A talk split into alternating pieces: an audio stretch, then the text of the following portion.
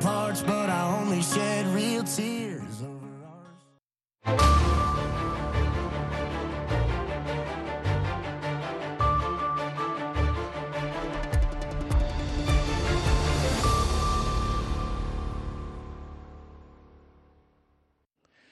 halkani waa washington laanta afka soomaaliga ee idaacadda v o a oo aad ka dhagaysanaysaan mowjadaha gaagaaban efmiyada geeska afrika iyo caalamkao dhan oo aad nagala socotaan v o a somaly com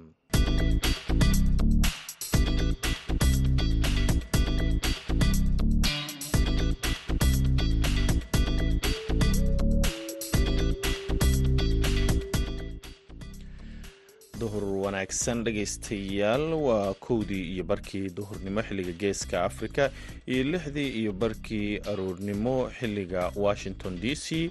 Waa maalin khamiis ah afar iyo tobanka bisha sebtembar sanadka laba kun iyo saddex iyo labaatanka. Idaacadda duhurnimo ee barnaamijka dhallinyarada maantana waxaa idinla socodsiinaya. Anigoo ah cabdulqaadir maxamed samakaab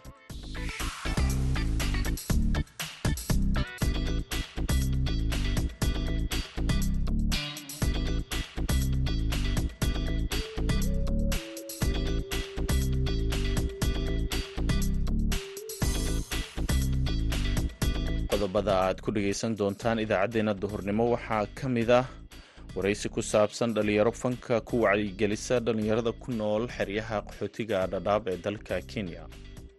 Inta badan waxaa arkaysaa nin dhallinyaro ah oo halkan ku dhashay oo ilaa soddon sano soddon saddex jir ah aan afkii soomaaliga si fiican u hadli karin. Waxaa arkaysaa dhalinyaro badan oo afkii soomaaliga aana qori karin. Waxaa arkaysaa dhalinyaro inta badan qurbajoog camal si dhaqankoodii ka tagay waxaa kalood maqli doontaan tartan kubadda cagta ah oo loo qabtay dhalinyarada barakacayaasha ah ee ku nool magaalada boosaaso kaalmihii heesaha iyo ciyaaraha ayaad sidoo kale dhegaysan doontaan balse intaasoo dhan waxaa ka horreeya warkii dunida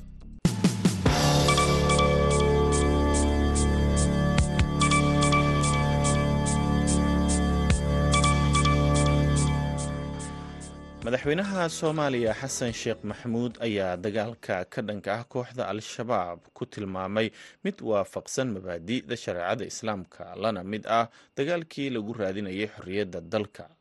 Madaxweynaha ayaa hadalkan u sheegay saraakiisha guutooyinka gorgor ee ciidanka xoogga dalka soomaaliya oo uu kula kulmay xarunta howlgelinta ciidanka xoogga dalka ee dhuusamareeb sida lagu sheegay qoraal ka soo baxay villa soomaaliya waxaa madaxweynaha saraakiisha uu ka dhageystay warbixinno ku saabsan dagaalka looga xoreynayo dalka kooxda al-shabaab.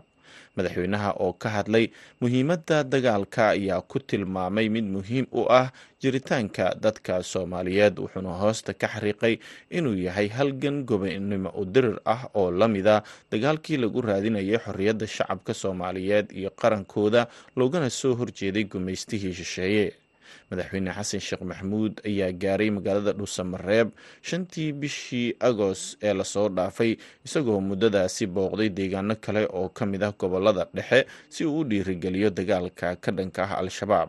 Ka hor inta aanu dib ugu laabanin caasimadda galmudug. Daadadka xooggan ee ku dhuftay dalka libiya ayaa dilay in ka badan lix kun oo qof iyada oo la la-yahay in ka badan toban kun oo ruux meel ay jaan iyo cirib dhigeen. Dadka la la-yahay ayaa loo malaynayaa in daadadka ay qaadeen oo ay ku dareen badda mediteraneanka ama ay ku jiraan qashinka iyo ciidda hoostooda sida ay sheegeen mas'uuliyiinta libiya hay'adda socdaalka dunida ee i o m ayaa sheegtay in fatahaadaha ka dhashay daadadka ay si xun ugu dhufteen dhinaca bari ee dalkaasi iyagoo barakiciyey in ka badan soddon kun oo qof i o m ayaa intaasi raacisay in inta ugu badan ee dadkan barakacay ay ku noolaayeen magaalada dirna oo ay daadadku khasaaro xoogan u geysteen halka kumanaan kun oo qof oo kalena ay ka barakaceen magaalooyin ay ku jirto banqaazi laba biyo xireen oo u dhowaa magaalada dirna ayaana fatahay taasoo uga sii dartay xaaladda. Dhegeystayaal warkeennii dunidana waa nageynta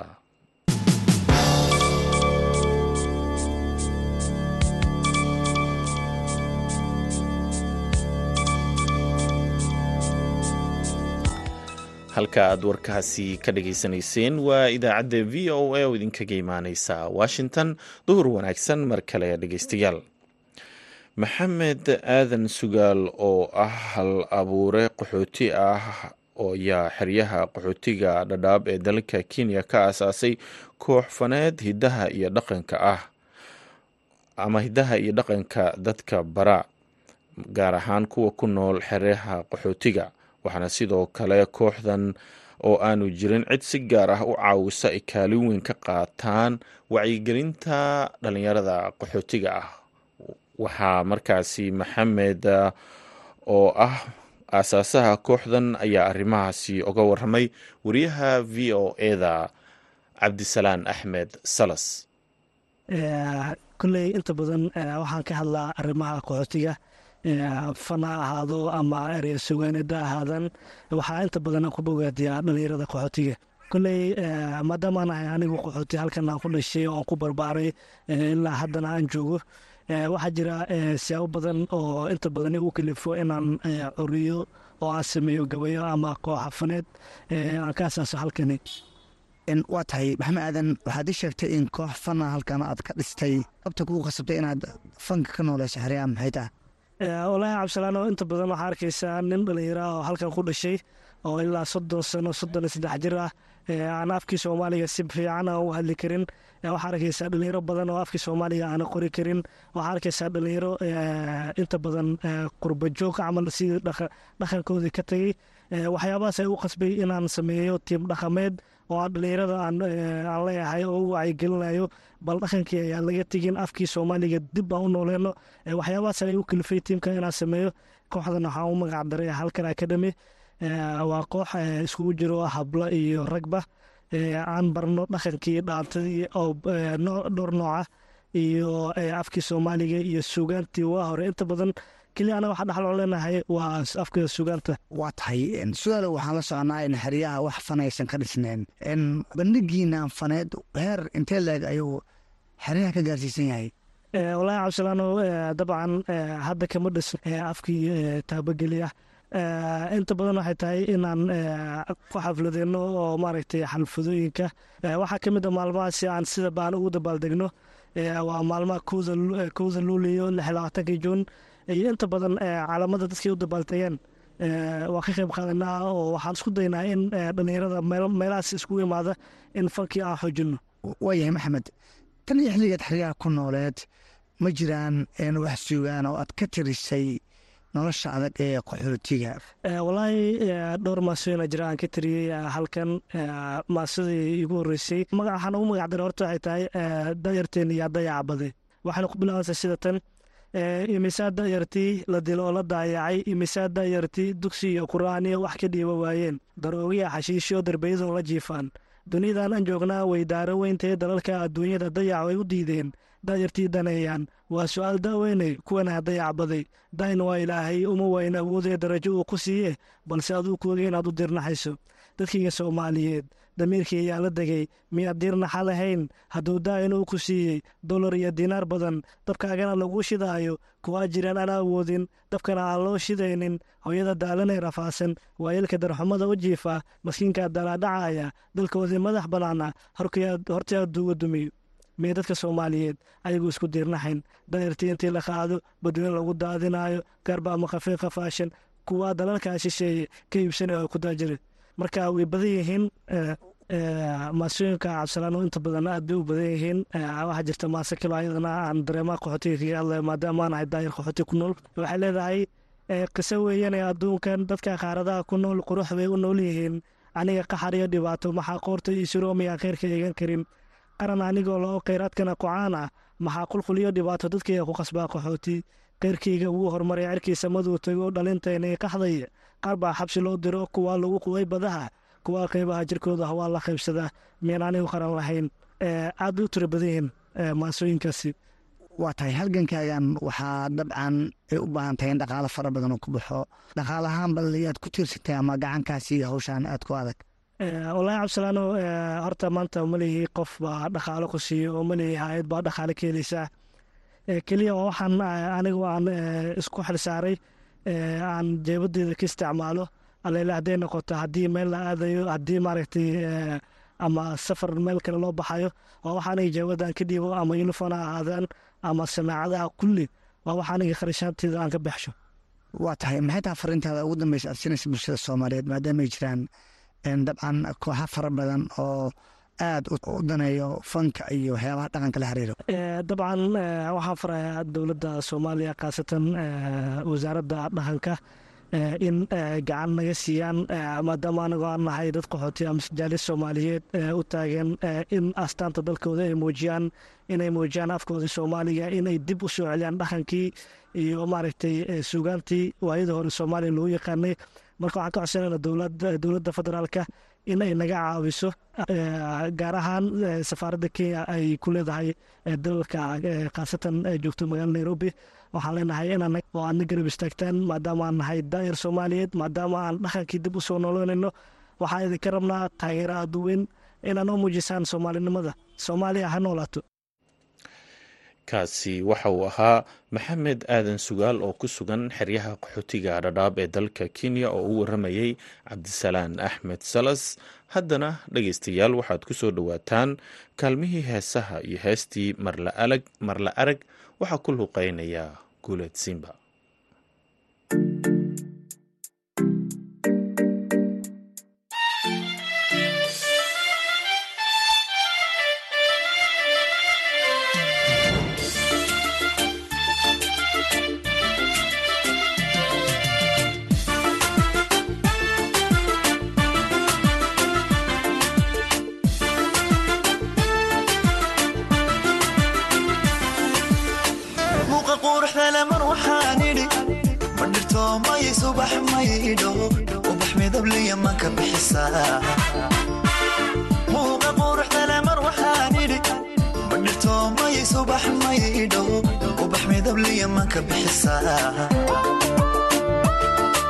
murtideedana mar waxaan idhi maabwaan mudhayo tiximariyo sheekh muftiyo hool ma jeertaa hool ma jeertaa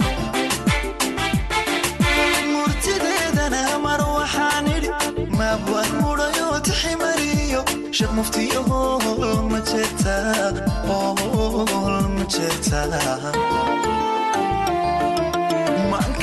deeqaaye maalihiya leyliya ku miilaxsada ya malyuuniyo kunka mudaniyo imil xunkaa jira umar waa tahay miilga sharafliyo rabbi maamuu usmanaystay yaa mulaaxyahay meerkugu xidha mulaaxyahay meerkugu xidha maanka deeqaaye maalihiya leyliya ku miilaxsada ya malyuuniyo kunka mudaniyo imil xunkaa jira.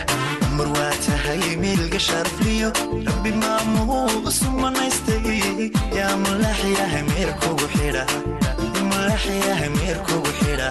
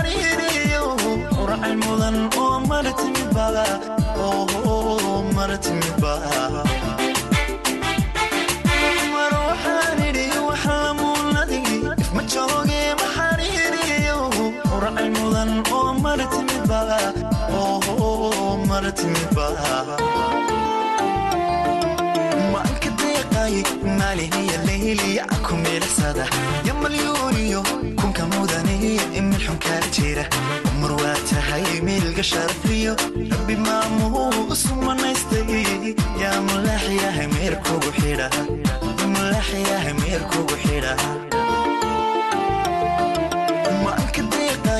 maalihiya leyliya ku miilaxsada ya malyuuniyo kunka mudaniyo imil xunkaa jira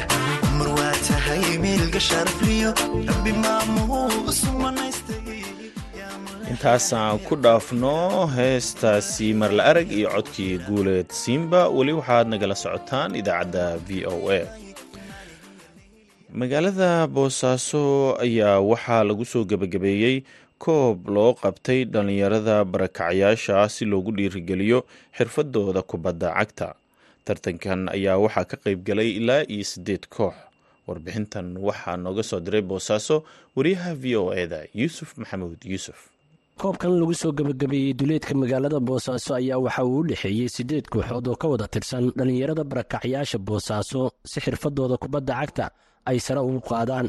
Waxaana u maalgelisay mid ka mid a shirkadaha boosaaso ciyaartii kama dambaysta ahayd waxaa wada ciyaaray kooxaha banaadir iyo weliba kooxda b c c waxaana u soo daawasho tegay dhallinyaro ka kala yimi xaafadaha magaalada. ciyaartan oo ku bilaabatay dardar iyo weliba mid xiise leh waxaa ugu dambayntii guusha ay raacday kooxda b c c waxaana madasha lagu guddoonsiiyey koobab iyo weliba hadiyado si loogu dhiirigeliyo guddoomiyaha dhallinyarada ciyaaraha kaamuumka barakacyaasha boosaaso maxamed cali guure ayaa codsaday in dhallinyarada laga gacan siiyo horumarinta kubadda cagta.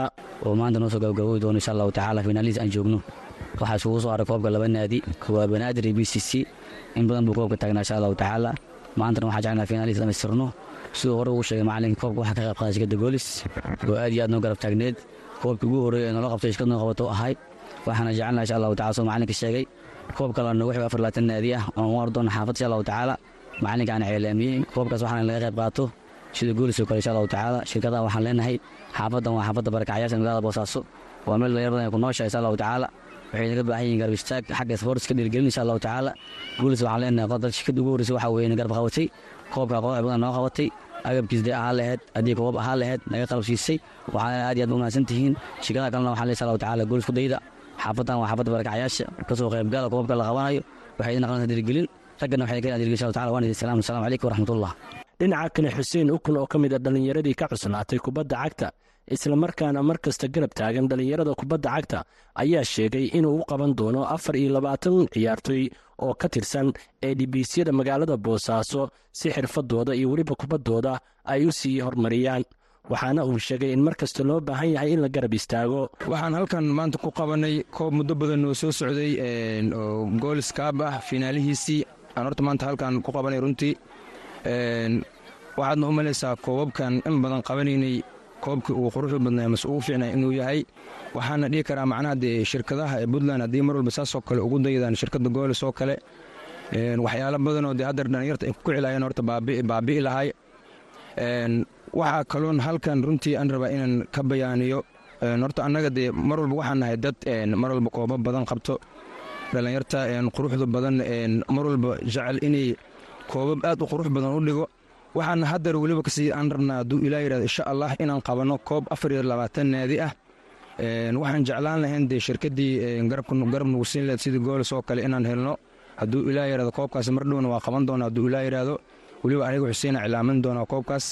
Isla isbuucan dhexdiisan jecla insha allah koobkaas inaan qabanno waxaan aad ugu mahad celinaa gudoomiye abkow oo run ahaantii u soo dhabar adeegay koobkan oo runtii muddo badan soo socday waana waxaan isdhihi karaa dee macnaha waa guddoomiyihii ugu adkaa intuu dee xil fiican hayey uguna fiicnaa. Ugu dambayntii qaar ka mid a dhallinyarada ayaa docdooda ka hadlay sida uu ku soo dhammaaday koobkan loo qabtay. Quruxda badan aan galabta aad daawanayno.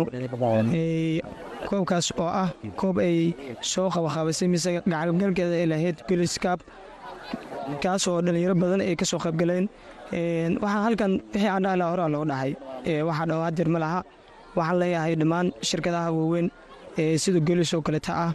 Waxaan jeclaan lahaa dee inay garab ay noogu siiyaan sida golis hadeer garab ay noogu siisay inoogu farxad gelisay.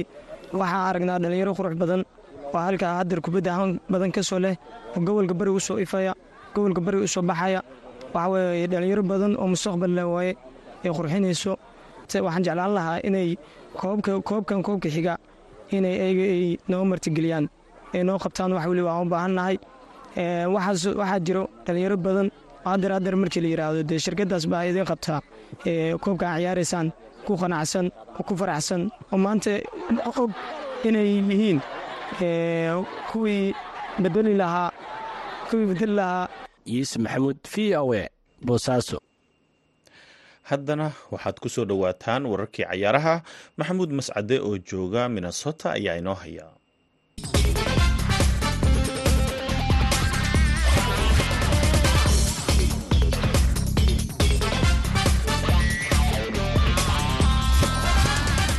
kuna wanaagsan dhegaystayaal dhammaantiinba kuna soo dhowaada xubinta ciyaaraha. Gebi ahaanba waxaynu ku falanqaynaynaa koobka qaramada afrika oo isreereebkiisii uu soo gebagaboobay islamarkaasina ay afar iyo labaatan dal u soo gudbeen. Tartanka sannadka labada kun afar iyo labaatanka ka qabsoomaya waddanka ivory costi oo koobka martigelinaya barnaamijka waxaa marti ugu ah cabdirasaaq diyeshe oo ku sugan magaalada siyaarale gobolka washington oo ila falanqayn doona koobkan iyo waxyaabaha laga filayo waddamada u soo baxay iyo weliba sababta keentay in koobkan oo ay ahayd in uu dhaco bisha juun ee sannadkan dib loogu dhigay in uu dhaco bilowga sannadka labaatanka cabdirasaaq soo dhowow su'aashaasba haddii aynu ku bilaawno inta aynaan u gudbin ee waddamada soo gudbay maxaa dib loogu riixay oo bisha janaayo looga dhigay waa mahadsantahay mascade waa su'aal muhiim oo meesha ku jirto waxaa keenay in dib loo dhiga xilligii la qaban jiray cup oo africa cup of nationka waxaa loo aanaynayaa ama cimilada wadanka every coast oo ah wadanka martigelinayo oo la saadaalinaya in xilliyadaas ay ka daayaan roobab aad u xoogan darteed ayaa dib loogu raray xilligii la qabanayay lagana dhigay sanadka soo socda january saddex tobankeeda ilaa february koob tobankeeda twenty twenty four waa garta xilligaas dabcan waa xilli ay necab yihiin kooxaha qaaradda yurub oo xidigo badan oo afrikaanihi ay ka ciyaaraan. Laakiin sanadkan waxaan filayaa kooxa badan inay xidigo badan waayi doonaan wakhtigaas waa tahay waxaa jirta in tartanka sanadkan ay ka qaybgelayaan afar iyo labaatan dal oo islamarkaana ay ku soo tartameen afartan iyo sideed dal. Bal waddamada soo gudbay haddaad nala wadaagto.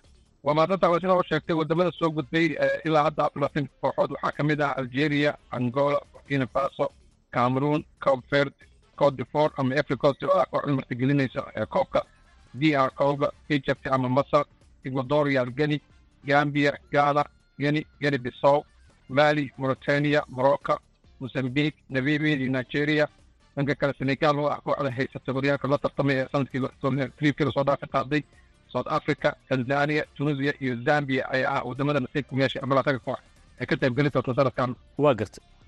Magacyada aad tixday ee waxaan ka maqlay marka laga hadlayo dhinaca bariga iyo bartamaha afrika xiriirka loo yaqaano sikafa oo soomaaliya iyo waddamada barigu ay ku jiraan tanzaniya oo keliya. Maxaa haleelay wadamadii kale ee afrikada bari? Sababo badan oo isbiirsan ayaa loo aanay karaa inay ka dhex muuqan waayaan sikafa koobka africa cup of nationka oo ay ugu horeyso xagga wadamadan west africaanka ama northern africaanka ciyaartooydooda inta badan waxay ka ciyaaraan horyaalada waaweyn sida yurub oo ah xidigo caan ah oo ka dhex muuqa kooxahooda markay dib ugu laabtaan xulkoodii ku soo kordhiyay xirfado iyo skill aad u weyn oo xulka ka saaciday inay soo gudbaan amaba koobka ay qaadaan. Halka sakaalfa waddamada ka tirsan intooda badan aysan la'aan ciyaartooy magac leh ama aad ugu dhex muuqda garoomada waaweyn yurubta ama horyaalada kaleeta adduunka sidoo kaleetana kooxaha ama iyaga ka dhisan sida loo maalgeliyo waddamada north afrikaanka horyaaladoodana aan aad loo maalgelino xagga dhaqaalahana aad uga perfegaraynin sababada soo nisbeysada ay ugu wacanane inay ka maqnaadaan tartankaas waa gartay. Afar iyo labaatanka dal tartanka madambaystaha ee la isugu tegayo ivory coast u soo gudbay. Sanadkan wadamo aan horey tartankan uga qayb galin ma soo baxeen?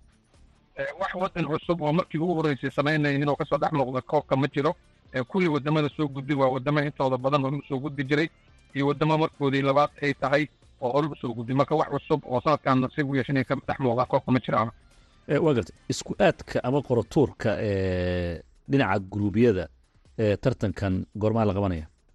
Isku aadka sida qorsheedaya wuxuu dhili doonaa october wuxuuna ka dhili doonaa magaalada abidjan.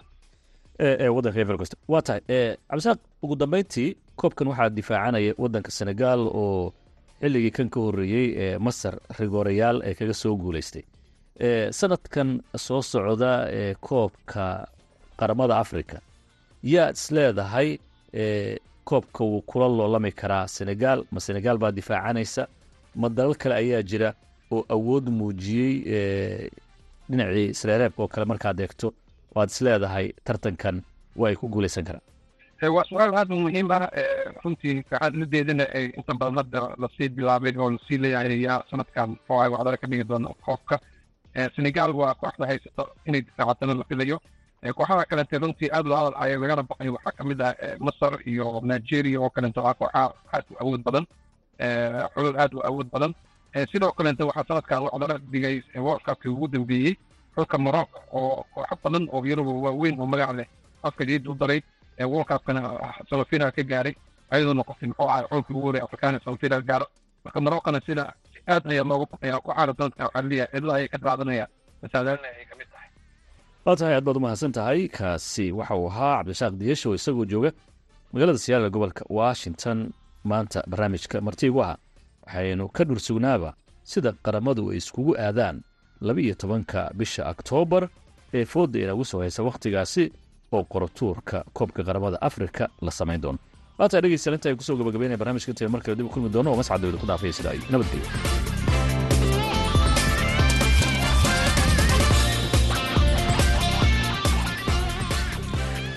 aad ayuu u mahadsan yahay maxamuud mascade oo nala socodsiinayay wararkii cayaaraha isagoo jooga minnesota. Haddana dhegeystayaal waxaad ku soo dhowaataan heestii qalbi nuuriya iyo codkii suldaan seraar guhaad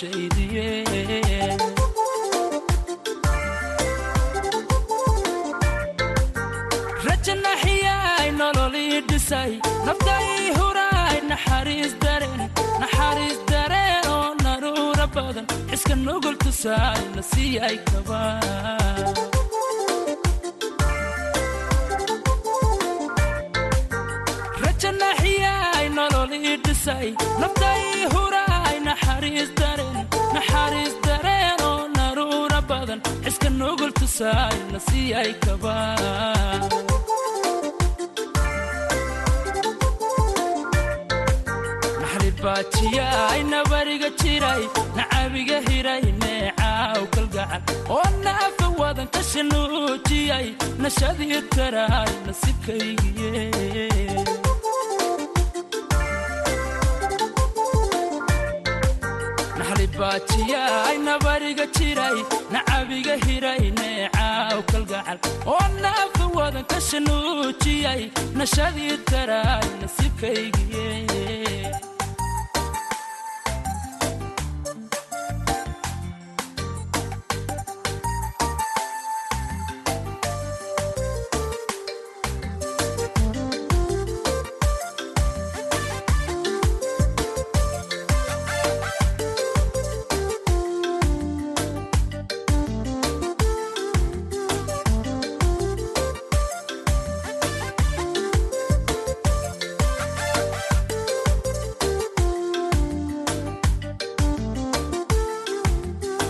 nafi deeqdayo nalkay baxay nabad soo bixiyo naqayday kal nadiifiyay nus iga mida.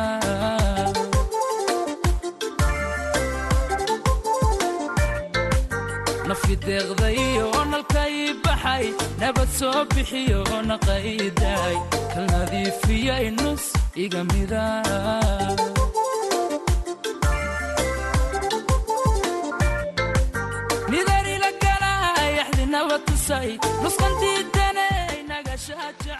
codkaasi suldaan seeraar ayaa u dambeeyey idaacaddeenii duhurnimo tan iyo idaacaddeenna galabnimo. Dhammaanteen waxaan idinkaga tegaynaa sidaa iyo nabadgelyo